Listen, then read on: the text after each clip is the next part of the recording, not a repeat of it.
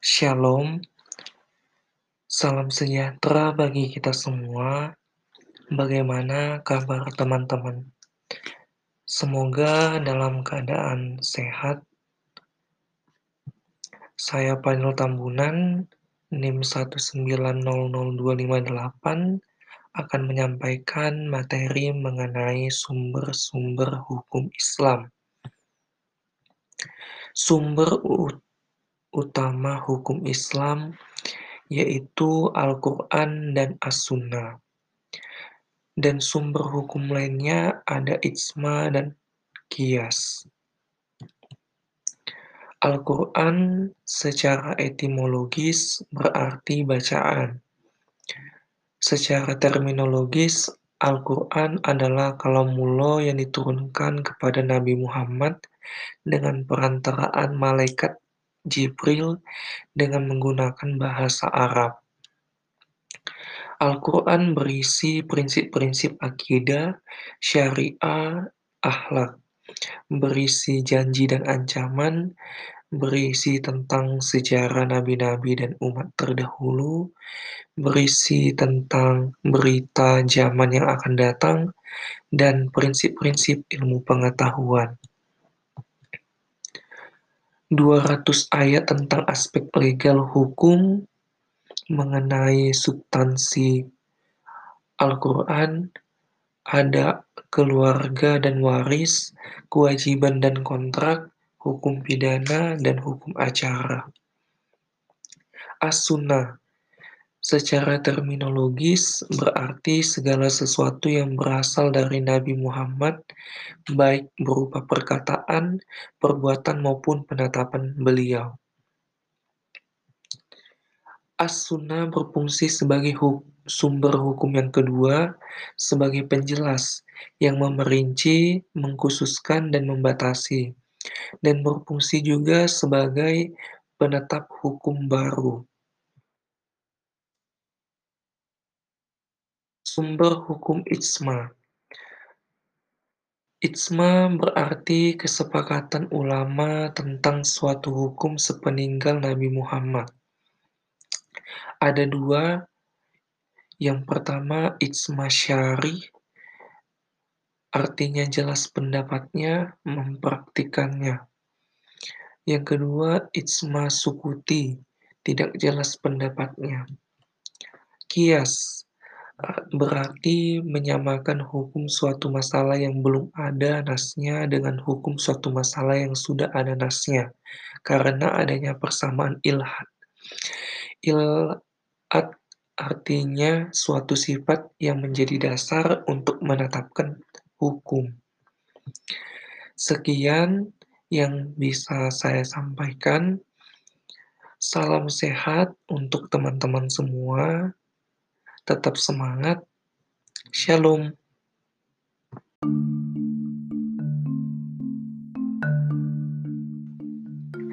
Shalom. Salam sejahtera bagi kita semua. Bagaimana kabar teman-teman semua? Semoga dalam keadaan baik. Saya Panel Tambunan, NIM 1900258 akan menyampaikan materi mengenai sumber-sumber hukum Islam.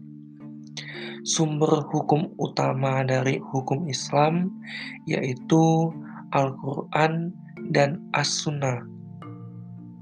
Sedangkan sumber hukum lainnya yaitu ijtihad seperti ijma, kias, dan lain-lain.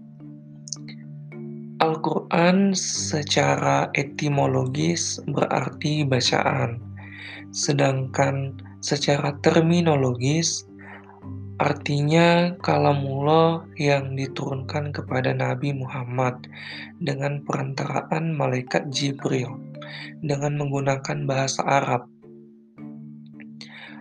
Al-Quran berisi prinsip-prinsip akidah, syariah, dan akhlak berisi tentang janji dan ancaman, sejarah nabi-nabi dan umat terdahulu, berita tentang zaman yang akan datang, dan prinsip-prinsip ilmu pengetahuan. 200 ayat tentang aspek legal, hukum, berisi tentang keluarga dan waris, kewajiban dan kontrak, hukum pidana, hukum acara. As-sunnah secara terminologis berarti segala sesuatu yang berasal dari Nabi Muhammad baik berupa perkataan, perbuatan, maupun penetapan beliau. As-Sunnah berfungsi sebagai sumber hukum kedua, sebagai penjelas, yang berarti memerinci, mengkhususkan, dan membatasi. Dan fungsi yang terakhir, menetapkan hukum baru. Ijtihad Secara terminologis berarti mencurahkan segenap kemampuan berpikir untuk mengeluarkan hukum yang praktis dari dalil-dalil Al-Quran dan Sunnah. Dasar penggunaan ijtihad yaitu Al-Quran, Sunnah, dan logika. Syarat-syarat mustahid yaitu menguasai hukum-hukum dari Al-Quran dan As-Sunnah, menguasai bahasa Arab dengan ilmu-ilmunya, dan mengetahui masalah-masalah yang dis sudah diismakan. Metode atau cara beristihad menurut Ijma dan Kias. Ijma berarti kesepakatan ulama tentang suatu hukum sepeninggal Nabi Muhammad. Dan kias berarti menyamakan hukum suatu masalah yang belum ada nasnya dengan hukum suatu masalah yang sudah ada nasnya karena adanya persamaan ilhat. Demikian yang bisa saya sampaikan. Salam sehat buat teman-teman semua. Tetap semangat. Shalom.